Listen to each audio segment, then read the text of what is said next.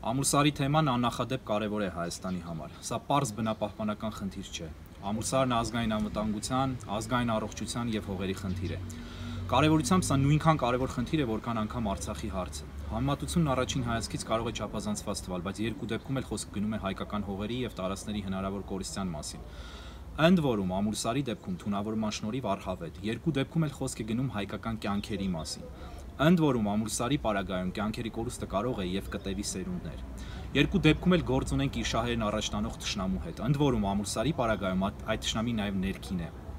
իսկ նրա օգնին եւ նրա շահերը պաշտպանելուն հակված է Հայաստանի նորընտիր լեգիտիմ ժողովրդարական ոչ բռնի խաղաղ թավշյա իշխանությունը, որի կարգախոսը դուխովն է։ Հեղափոխական իշխանությունները չեն տրտնջում իրենց տապալած ռեժիմների, իրենց թողած հանցավոր ժառանգությունից։ Նրանք դա վերացնում են, շտկում, ուղում եւ նորը կառուցում։ Նրանք հենց դրա համար են ժողովրդի կողմից վերվել իշխանության, ոչ թե նախորդների թողածը վկայակոչելով, նրանց արածը պահպանելու եւ իբրև թե ստիպված շարունակելու։ Ամուրսարը իրականում հայկական այսպես կոչված հեղափոխության ամենացայտուն դավաճանության օրինակ է պսևդո հեղափոխական կառավարության կողմից որpիսի པարզ դառնա թե որոնք են կառավարության ուղված այս եւ այլ կոշտ եւ անզիջում մեղադրանքների փաստական հիմքերը եւ թե ինչու ամուսարը ոչ մի դեպքում ոչ մի ուսումնասիրության պարագայում չի կարելի թույլ տալ հանք դառնալ փորձեն բացատրել կետ առ կետ Ամուրսայի շահագործման լիցենզիա ստացած Lydian International կազմակերպությունը գրանցված է օֆշորում։ Նախկինում այն որևէ հանքարդյունաբերական ծրագիր չի իրականացրել։ Հանքարդյունաբերական ոլորտում նրա փորձը 0 է։ Օֆշորում գրանցվում են այն ընկերությունները, որոնք ցանկանում են թաքնվել եւ գործել ստվերից, ինչպես նաեւ իրենց բաժնետերերի երկրներում ամենայն հավանականությամբ խուսափել հարկերից։ Նրանք հարկեր չեն վճարում, իսկ իրական տերերի ինքնությունը մնում է անհայտ։ Այլ նշանակություն օֆշորները չունեն օֆշորային կազմակերպությունները չեն կարող դիմել միջազգային արբիտրաժային դատարան։ Սա շատ կարևոր է իմանալը։ Այդ հանգամանքը գիտենալով Լիդիան անցյալ տարի երկու ենթանկերություններ է գրանցել ԱՄՆ-ում եւ Կանադայում, որpիսի իբրև թե կարողանա հենվելով ամերիկյան եւ կանադական սուվերեն ընդդատիայության վրա Հայաստանի դեմ արբիտրաժային դատարանում դատ բացի։ Սակայն գրանցումը հետադարձ ուժ չունի եւ չի կարող ունենալ, հատկապես դուստր ընկերությունների կողմից, որոնք Հայաստանի կառավարության կողմից տրամադրված լիցենզիայում հիշատակված չեն, քանի որ լիցենզիայի տրամադրման ժամանակ դեռևս գոյություն չունեին։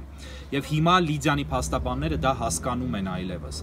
Այնուամենայնիվ մյուս կողմից լավ հասկանալով Հայաստանի կառավարության կառավարության ահաբեկվածությունը եւ թույլ կողմերը սպառնալիքներով Հայաստանի կառավարությանը դարձրել են խամաճիկ։ Փաշինյանի վարչակազմը առանց լսել անգամ ցանկանալու հակափաստարկները կրկնում է Լիդիանի կողմից հրաապարակ նետված թեզերը, ինչ որ միֆական 700 միլիոն դոլար հնարավոր տուգանքների եւ Հայաստանի ներդրումային վարկանիշի անկման մասին։ Ինչպես տեսնում են քաղաքացիական պայմանագրի մի շարք ազդեցիկ падգամավորների հայտարարություններից եւ հատկապես Նիկոլ Փաշինյանի մերձավոր զինակից падգամավոր Հայկ Գևորքյանի ելույթներից կառավարությունն ուղղակիորեն սկսել է ահաբեկել հանրությանը հնարավոր պատժամիջոցներով եւ տնտեսական վաթարացմամբ, եթե ամուլսարի հանքը չբացվի։ Խոսքի գնում նաեւ ԱՄՆ եւ Մեծ Բրիտանիայի կառավարությունների կողմից իբրև թե ճնշումների մասին։ Նախ ԱՄՆ կառավարությունը երբեք երբեք հանդես չի գալիս որևէ, բացառապես որևէ օֆշորային ընկերության շահերի պաշտպանությամբ։ Ընթակառակն պայքարում է օֆշորների դեմ։ Ամերիկյան կառավարությունը գտնում է, որ օֆշորները հանգրվաններ են տարբեր ամերիկացիների համար նահանգներում հարկեր վճարելուց խուսափելու եւ եկամուտները ամերիկյան հարկահավաքներից թաքցնելու համար։ Նշենք նաև, որ հայտնի չեն դեպքեր, երբ կառավարությունն ինքը օֆշորային հանքարդյունաբերական ընկերություն ունենա, եւ եթե անգամ տեսականորեն նման ֆանտաստիկ սցենար լիներ, երբևէ որևէ ճնշում չէր կարող իրականացնել այլ կառավարության վրա։ Դա իմիջային ահռելի հարված կլիներ ԱՄՆ վարչակազմի համար։ Դա ամերիկյան իշխանությունների վարվելակերպը չէ։ Ինչ վերաբերում է արդեն թոշակի անցած նախկին դեսպան Ռիչարդ Միլսի մի քանի արտահայտություններին, ապա պետք է նկատի ունենալ, որ Օբամայի վարչակազմի օրոք Հայաստանը լիովին անտեսված էր, իսկ Երևանում ԱՄՆ դեսպանությունը գրեթե կատարյալ ինքնուրույնություն ուներ։ Բացառված չէ, որ դեսպանին Լիդիանը որոշակի լոբիստական խմբերի ներգործությամբ համոզել էր, որ Լիդիանի հիմնական բաժնետերերն ամերիկյան քաղաքացիներ են եւ տուժելու են նրանք եւ դրանով դեսպանին պարտադրել ինքնուրույն որոշ կիսատ արտահայտություններ անել հոգուտ հարցունահանք այս ընկերության։ Նույնն է եւ բրիտանական կառավարության պարագան։ Ամուրսարի հարցում Փաշինյանի ուժը վկայակոչում է նաև այն հանգամանքը, որ իբրև թե դրա փակումը կազդի Հայաստանի ներդրումային կլիմայի վրա եւ անվստահություն կսերմանի պոտենցիալ ներդրողների շրջանում։ Նախ այսպես կոչված հեղափոխությունից ի վեր Հայաստանում որևէ արտաքին ներդրող, որևէ խոշոր ներդրում չի կատարել։ Խոշոր ներդրումների թիվը 0 է, 0։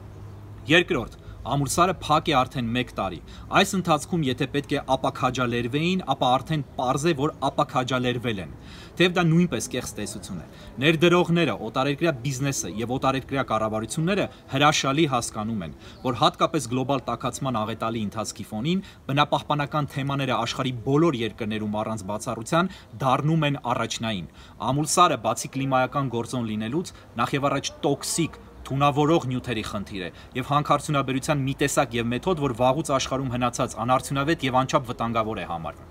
Աշխարհում այսօր շատ բարձր է գնահատվում տարբեր կառավարությունների կողմից բնապահպանական ստանդարտների բարձրացումն ու դրակոնյան սահմանափակումների ներդրումը։ Կոստա Ռիկան, որ բնապահպանական աշխարհի առաջատար է դարձել վերջին տասնամյակում, մի օրինակ է, որին ձգտում են հարյուրավոր պետություններ։ Այստեղ արգելված է հանքերի շահագործումը։ Երկրի մի հսկայական հատված հայտարարված է ամենաբարձր կարգավիճակի արգելոց։ Բնակչության առողջության ցուցանիշներն աննախադեպ աճ են գրանցել։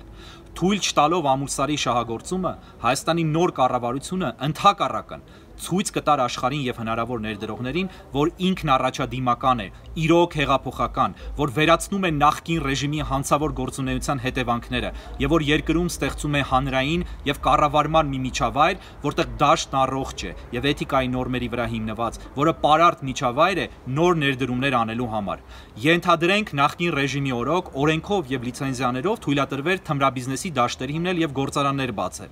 իսկ հեղափոխական իշխանությունները դադարեցնեին դա։ Արդյոք դա կնշանակեր, որ ուրիշ այլ ներդրողներ կվախենային Հայաստան գալ։ Պատասխանն ակնհայտ է։ Չնայած դրան Փաշինյանի իշխանությունը ամուսարի պարագայում հենց հակառակն է պնդում։ Սակայն այս բացահայտ եւ ակնհայտ հանգամանքները չեն միայն որ մտահոգիչ են։ Նույնքան մտահոգիչ է այն, որ Հայաստանի ներկայիս կառավարությունը հրաշալի հասկանալով ռիսկերն ու ահռելի իրական վտանգները հոգուտ բացելու վկայակոչում է Լիդիանի փաստարկները, սեփական ժողովրդին վախեցնում հնարավոր մեծ, իսկ իրականում անհնար տուգանքով։ Եվ դրանով փաստորեն Հայաստանի քաղաքացիների ահռելի մի զանգվածի կյանքին եւ բնությանը գին նշանակում, այն գնահատելով ըստ Լիդիանի տվյալների 700 միլիոն։ Ընդ որում կառավարությունը հայտնում է, որ ինքը պատրաստ է հանուն այդ գումարը չվճարելու, թեև ինչպես ասացի, արդեն անհնար է այդպիսի տուգանքի հանգամանքը։ Զոհաբերել Հայաստանի տարածքի գրեթե կեսը եւ քաղաքացիների առողջությունն ու կյանքը։ Այս պարագայում հարց է առաջանում. ինչպիսի իշխանություն է սա եւ ինչպես է այն դիմակայելու ադրբեջանական սպառնալիքին, եթե անկարող է դիմակայել մի փոքր անհայտ բաժնետերերով, օֆշորային ընկերության դատարկ եւ անիրականանալի սպառնալիքներին։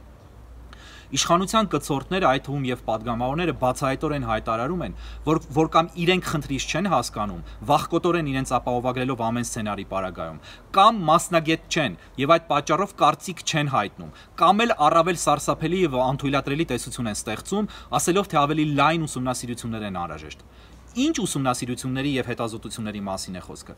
Արդի աշխարի յուրաքանչյուր զարգացած հասարակություն տեղյակ է աքսիոմատիկ է, որ որևէ ջրային ռեսուրսների հարևանությամբ անգամ, հատկապես երբ 200 կիլոմետր շարավողով գետ 1 բնակավայր կա, չի կարելի մետաղական բաց հանք շահագործել։ Մարդկությունը դեռևս չի ստեղծել որևէ տեխնիկա, որևէ միջոց, որով հնարավոր է ռենտգենի պես տեսնել ստորերկրյա ջրերի ուղիներն ու խառնարանները, հասկանալ դրանց միացման եւ անջատման կետերն ու ուղությունները փոխարենը կան սկզբունքներ։ Այս պարագայում հիմնական սկզբունքն այն է, որ ջրային ռեսուրսների հարևանությամբ պետությունները մետաղական հանքեր չեն բացում։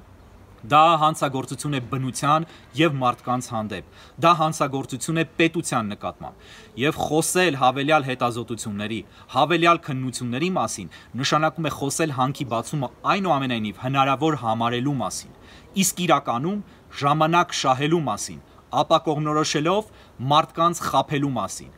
Այդպիսի գաղափարներ արդեն արտահայտել են հատկապես Փաշինյանի կուսակցության падգամավորներ Սոնա Ղազարյանը, Լիլիթ Մակունցը, Հայկ Գևորքյանը առավել զգուշավոր, բայց մոտարապես նույն ծիրում արտահայտվել են Իմ քայլը դաշինքի երկու իրապես որակյալ падգամավորներ Գայանե Աբրամյանն ու Վահագն Թևոսյանը։ Բայց ինչպես էլ որ արտահայտվեն, պետք է հասկանանք, այս հարցում չի կարող լինել որևէ զիջում, որևէ հետքայլ, որևէ քննարկում, այո, քննարկում։ Այստեղ ամեն բան իրոք որ սև եւ սպիտակի դաշտում է, եւ հենց այստեղ է որ սև եւ սպիտակի դաշտում է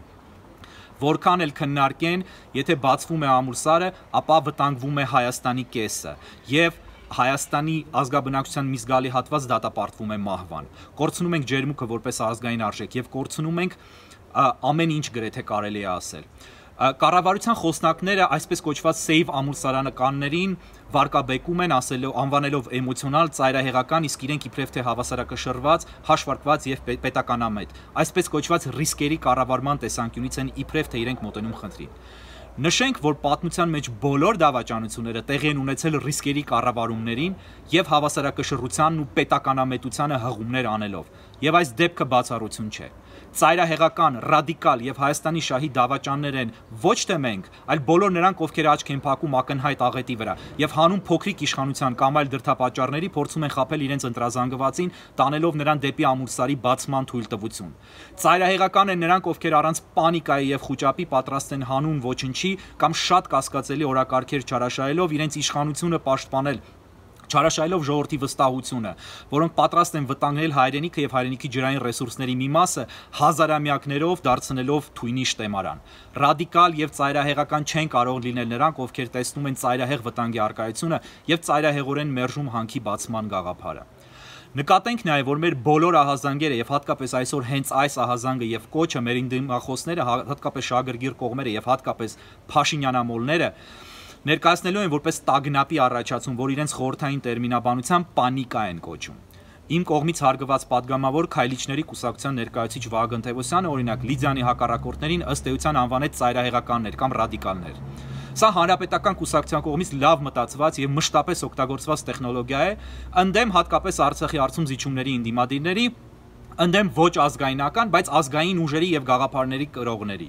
Հիմա հանրապետականների ողջ զինանոցն այլևս կիրառվում է արդեն իմ քայլը խմբակցության ու իրենց հետևորդների կողմից։ Ըստ իմ եւ ոչ միայն իմ հավաստի տեղեկությունների, Ամուրսարը հանգ բացելու ջատագովներից է եւ 30-ամյա առաջին փոխվարչապետ Տիգրան Ավինյանը, որը ըստ հենց իշխանական մի շարք աղբյուրների համաձայն կառավարությունում վերջին շրջանում զբաղվել է Ամուրսարի հանգ դառնալու ամենաակտիվ եւ ստվերային լոբինգով։ Կարծում եմ այս հանգամանքը նույնպես մեր հասարակությունը պետք է իմանա։ Իմանա եւ ճանաչի նրանց, ովքեր հանքի բացման ամենայն հավանականությամբ կողմնակիցներ են։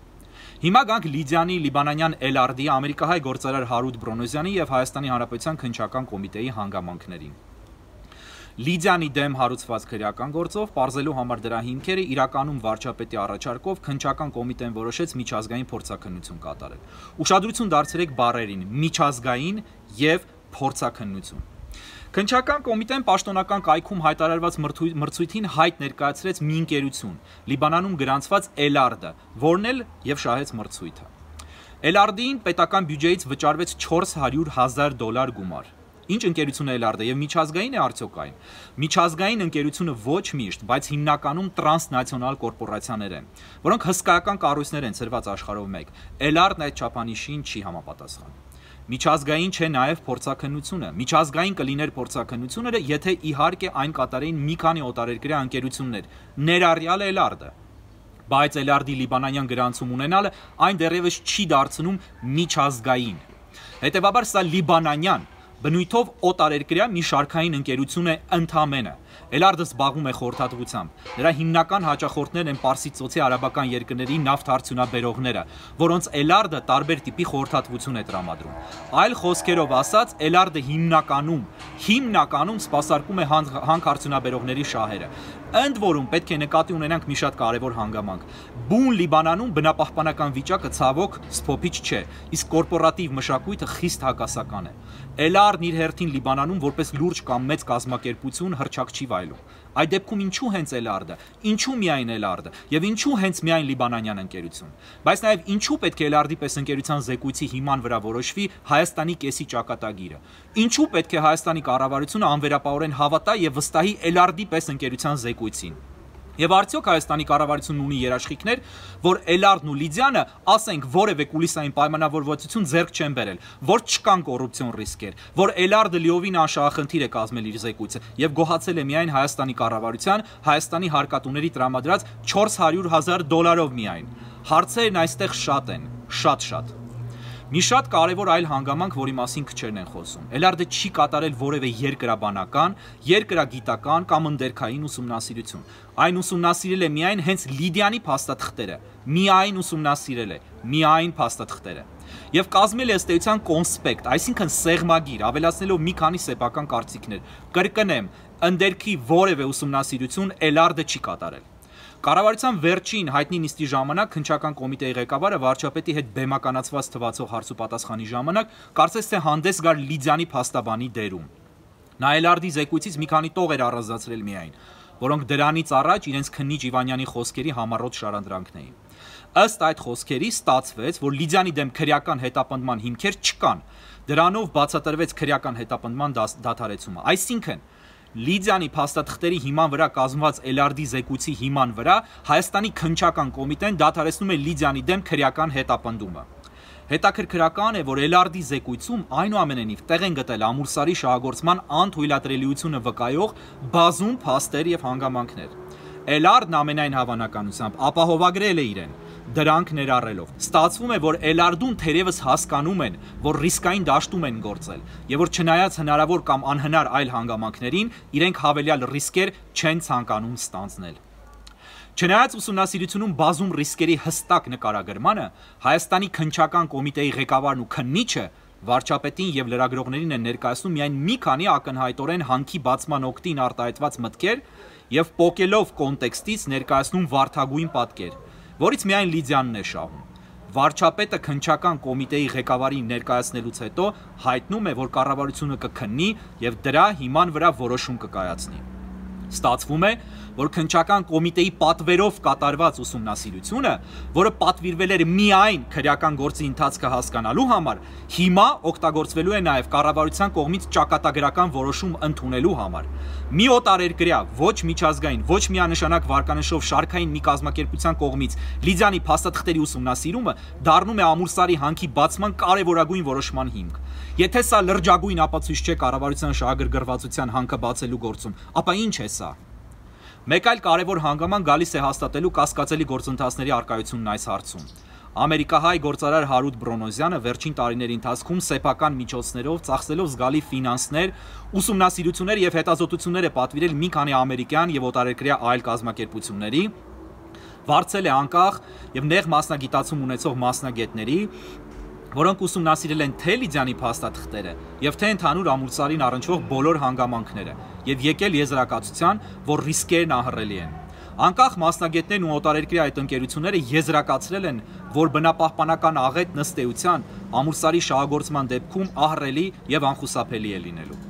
Այդ արժեքավոր աշխատանքի արդյունքներով Բրոնոզյանը կիսվել է եւ անընդհատ տեղյակ է պահել կառավարությանը։ Ընդ որում թե նախկին եւ թե Փաշինյանի կառավարությունները լիակատար անտարբերություն են ցուցաբերել Բրոնոզյանի եւ իր վարչած ընկերությունների մասնագետների եւ աշխատանքի արդյունքների նկատմամբ եւ ընտրել են դրանք ամբողջապես անտեսելու ուղի։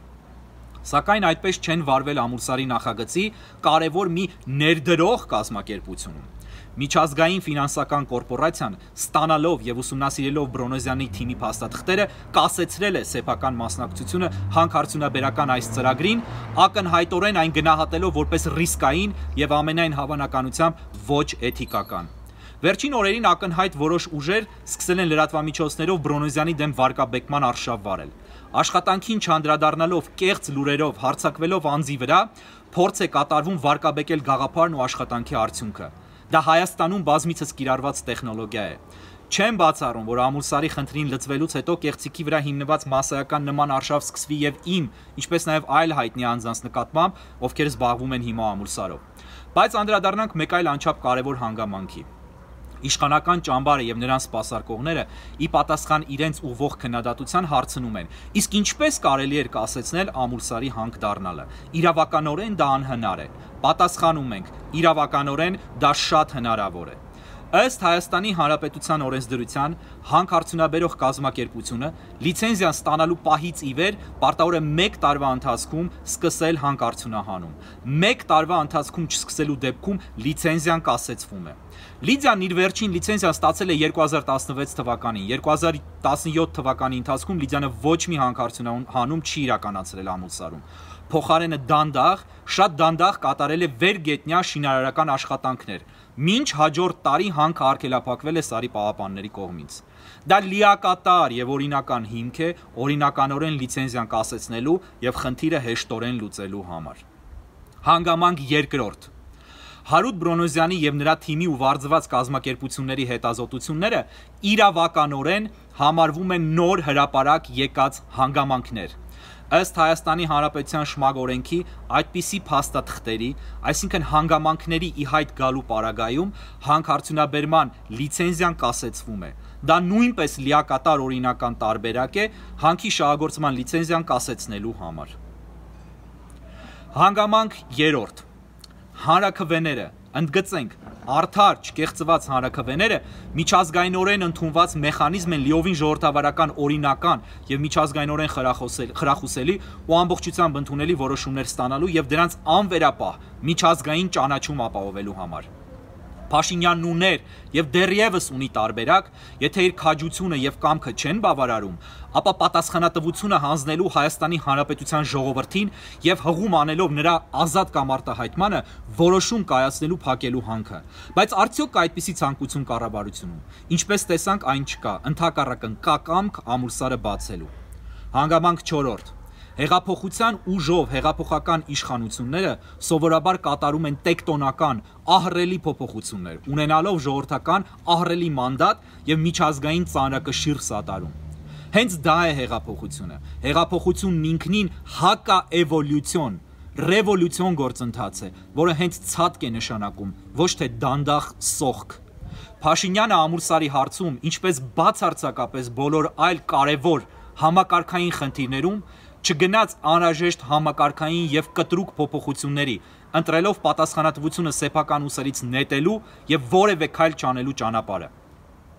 Վերջի վերջո կարելի է նաև քրեական քննություն իրականացնել։ Կան արդյոք երաշխիքներ, որ լիցենզիայի տրամադրման գործում եւ ընթացքում կոռուպցիոն երևույթներ տեղի չեն ունեցել։ Դա հենց հանգամանք 5-րդն է, որով Պաշինյանը, եթե այդպիսի գտնվեին, անպայմանորեն կկարողանար օրինական իրավական հարթությունում կասեցնել ապօրինաբար ձեռք բերված լիցենզիան, եթե լիցենզիան ապօրինաբար էր ձեռք բերվել։ Սակայն այդ հիմքերով եւ այդ նպատակով քրեական գործ անգամ չհարուցվեց։ Բայց կարող էր արդյոք Սերժ Սարգսյանն անձամբ, իսկ հայտնի է, որ նման մասշտաբային որոշումները միայն նրա անմիջական մասնակցությամբ էին ընդունվում, առանց որևէ շահագրգռության, առանց կոռուպցիայի թույլտվության, առանց կոռուպցիայի թույլտվություն տալ ամուրսարի հանքը բացելու։ Սա հարց է, որի պատասխանը շատերն ունեն եւ ունեն անվերապահ։ Չնայած լիովին օրինական եւ բոլորի կողմից ընդունելի այս 5 տարբերակների Փաշինյանը ընտրեց բոլորովին այլ ճանապարհ, հակառակ ուղին, հանքը բացելու հիմքեր ստեղծելու ուղին։ Իմի բերելով բոլոր այս փաստերն ու հանգամանքները, ինչպես նաև այն իրավիճակը, որ իշխանությունը հասարակության ամենատարբեր շերտերի գիտակցության մեջ ամրագրել է, որ թույլ չտալու պարագայում ժողովրդը 700 միլիոն տույժ է վճարելու, որն ինչպես ասացին Գլիդյանի սուտ եւ փաստացիորեն լիովին անհիմն տեսությունն է, կարելի է գալ եզրակացության, որ Փաշինյանի իշխանությունը, ներառյալ փոխվարչապետ Տիգրան Ավինյանը, նրանց սպասարկուները եւ Նիկոլ Փաշինյանն անձամբ շահագրգռված են ամուրսարի հանքային շահագործմամբ եւ հակված են հանքը բացելու թույլտվություն տալ։ Մի թույլտվություն, որ առանց քննարկման, առանց ուսումնասիրությունների էլ անկասկած եւ անպայմանորեն հանգեցնելու է Հայաստանի ջրային ռեսուրսների, ներառյալ Սևանի հավիտենական թունավորման, ընդերքի եւ երկրի մակերևույթի առհավետ անպիտանելիությանը եւ Հայաստանի ժողովրդի կեսի առողջության կորստի, որ սերունդներով է շարունակվելու։ Ամուրսարի շահագործման պարագայում անկասկած է, որ ծանր մետաղներով թունավորված ջրերը նաև հոսելու են դեպի Կասպից ծովի ավազան։ Այդ են վկայում այլ ուսումնասիրությունների արդյունքները եւ բազում մասնագետներ։ Դա անպայմանորեն առաջացնելու է տարածաշրջանային բնապահպանական աղետ, որն իր հերթին միջազգային դատարաններում միջպետական դատեր է բացելու Կասպյան ավազանի երկրների կողմից ընդդեմ Հայաստանի, որից Հայաստանը որպես թունավորման օջախի շահագործման լիցենզիա տվող պետություն ազատում չի ունենալու։ Կասպյան երկրներն են Ռուսաստանը, Ղազախստանը, Ադրբեջանը, Իրանը եւ Թուրքմենստանը։ Կասպից ավազանի հնարավոր աղտոտումը նաեւ բացառված չէ, որ կարող է եւ դուր բացել ռազմական բացահայտ ինտերվենցիայի համար Կասպյան որևէ երկրի կողմից հղում անելով կամ հարկադիր հատուցում ստանալու իրավունքին կամ էլ թունավորումը սեփական ուժերով կասեցնելու անհրաժեշտությանը ինչպես գիտեք առիթներ միշտ կգտնվեն իսկ եթե անգամ այդ հիպոթետիկ տեսական սցենարները չիրականանան այն ֆինանսական միջոցները որ պահանջվելու են օջախը կոնսերվացնելու համար լինելու են աստղաբաշխական հարյուրավոր միլիարդ դոլարներ արժողությամբ իսկ վնասները հավիտենական բնապահպանական ծանր մետաղներով թունավորումները չունեն վաղեմության ժամկետ։ Դրանք հավերժական թունավորման աղբյուր են հանդիսանում։ Դատարանում պարտվելու պարագայում անգամ ոչինչ չի կարող ավելի թանկ լինել, քան մարդկանց կյանքը, հայկական հողի եւ ընդհանուր բնության գինը։ Եթե անգամ Լիդիանի եւ իշխանության մտածածին կեղծ թեզը գետ 1 գրամ ճշմարտություն պարունակեր եւ 700 միլիոն դոլարն ունենար փոքր ինչ 5, միևնույն է, այն չի կարող լինել գին, որը Հայաստանը չպետք է պատրաստ լիներ վճարել իր գոյության համար մի իրավիճակում, երբ տնտեսական շարունակվող ապիկար քաղաքականության արդյունքում պետական պարտքը մի քանի միլիարդ դոլար է կազմում։ Բացի այդ, միջազգային արբիտրաժային դատարանում, որտեղ ինչպես ասացինք, Լիդիան ամեն դեպքում որևէ կերպ չի կարող դիմել, դատերը տարիներ են տևում եւ անչափ թանկ արժեն։ 0 ցենտից էլ պակաս բորսայական արժեք ունեցող արժեթղթերով ընկերությունը ոչ մի պարագայում չէր կարողանալու պայքարել սուվերեն պետության դեմ, որ աշխատավարձով ապրող փաստաբանների բանակ ունի եւ Սփյուռքյան բարձր որակավորում ունեցող ու միջազգային իրավունքի մասնագետ հանդիսացող փաստաբանների լուրջ եւ անվճար ռեսուրս եւ անգամ դատարան մտնելու պարագայում պարագայում Լիդիանի հաղթանակը, որ այսօր իշխանությունները որպես ուղակի անխուսափելի փաստ են ներկայացնում, պետք է վաղ չներշնչեր պետությանը, կառավարությանն ու դուխով վարչապետին։ Ընդ որում, այն պարագայում, երբ իրենց տիկունքին այս հարցում ողջ հայ ժողովուրդներ լինելու, բայց կրկնենք, Լիդիանը իրավական որևէ իրավունք չունի եւ չի կարող դատի տալ Հայաստանի կառավարությանը։ Իսկ 700 միլիոնի մասին միֆը հնարված է հենց ահաբեկման նպատակով։ Ստեղծված իրավիճակում չի կարելի ականջալուր լինել ճակերտների մեջ քաղաքակիրթ հավասարակշռված եւ ճակերտների մեջ երկրի շահերը հաշվարկող ուստ իրենց խոսքերի ռիսկեր հավասարակշռող ինք հայլիսների եւ Փաշինյանապաշտների ծուղակն ընկնել եւ քննարկման թեմա դարձնել ամուրսարի բացման հարցը այստեղ ամեն բան միանշանակ է կամ հանքը բացվում է եւ Հայաստանը դատապարտվում է կործանման ու սա չափազանցություն չէ կամ էլ կառավարությունը կամք եւ քաջություն է ունենում չկատարելու ապազգային հակապետական եւ հակահայաստանյան քայլ եւ չեղարկում է Լիդիանի լիցենզիան այլ ճանապարհ չկա նոր քննարկումներ, նոր ուսումնասիրություններ կազմակերպելու, անցկացնելու եւ նմանատիպ այլ բոլոր քայլերն ու առաջարկությունները լինելու են ժողովրդի զգոնությունը թույլատնելուն եւ ժամանակ շահելուն, ինչպես նաեւ թեման մաշեցնելով այն ժամանակավրեպ դարձնելուն ուղված մարտավարական նենք քայլեր։ Ժողովուրդը չպետք է կուլ տա այդ հին Հայաստանում նախկին ռեժիմների կողմից բազմիցս կիրառված եւ կարծես թե նոր կառավարության ժառանգած հնարքները։ Եթե իշխանությունն ու հատկապես վարչապետը վճռականություն, իսկ իրենց սիրելի կարկախոսով դուխ ունենային, կվերցնեին իրենց վրա պատասխանատվություն եւ չէին վախենա որևէ ճնշումից, որևէ հնարավոր կամ անհնար տուգանքից, միջազգային հետևանքից եւ եթե անհրաժեշտ լիներ կգնային դատարան եւ կկռվեին Հայաստանի Հանրապետության համար։ Վերջի վերջո որևէ միջազգային ներդրում, իմիջ կամ տուգանք չի կարող Հայաստանին հող եւ կյանք արժենալ։ Փոխարենն այս իշխանությունն ընտրել է հանձնվելու ուղին։ Տրամաբանորեն ստացվում է, որ այսպիսի իշխանության հետ անգամ Արցախի հարցում որևէ հույս կապել չի կարելի։ Մի փոքրիկ օֆշորային անկենսագրություն ընկերության սպառնալիքները վկայակոչող եւ դրանց արդյունքում երկրի կեսը ոչնչացման տակ դնող ուժը չի կարող պատերազմական իրավիճակում մինչեւ արյան վերջին կաթիլը հող պաշտպանել։ Նման մոտեցումներով եւ գաղափարախոսությամբ դա ուղղակի անհնար է։ Եթե հանքի բացման թույլտվություն տրվի, ապա այս իշխանությունը կդառնա ազգային դավաճանների իշխանություն, եւ սա չափազանցություն չէ։ Հուսանք, որ դա տեղի չի ունենա։ Ակնհայտ է, որ իշխանությունը ոչ ցանկություն, ոչ կամք եւ ոչ էլ գիտակցություն ունի Ամուրսարի հարցը վստահորեն լուծելու։ Կառավարությունը Փաշինյանի գլխավորությամբ կգնա այդ քայլին միայն մի պարագայում։ Եթե հասկանա, որ իրենց համար քաղաքական ռիսկերն ավելի ծանրակշիռ են, քան բոլոր այն հանգամանքները, որոնք նրանց մղում են հանքը բացելուն։ Եվ դա հասկանալու համար անհրաժեշտ է համաժողովրդական հուշկու շարժում։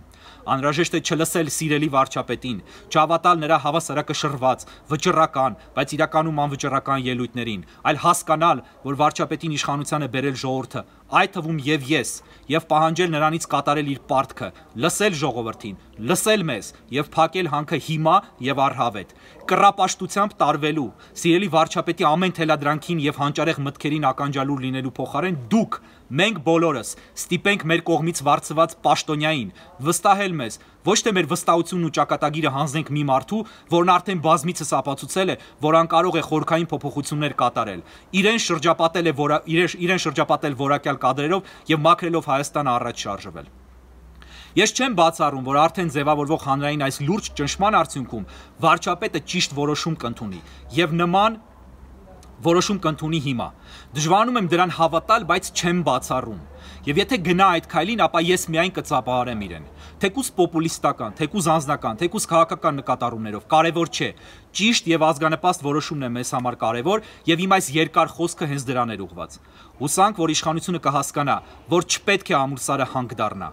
Ամուրսարի շահագործումը նշանակում է Հայաստանի մահ, իսկ Հայաստանը պետք է ապրի։ Ամուրսարը պետք է սար մնա։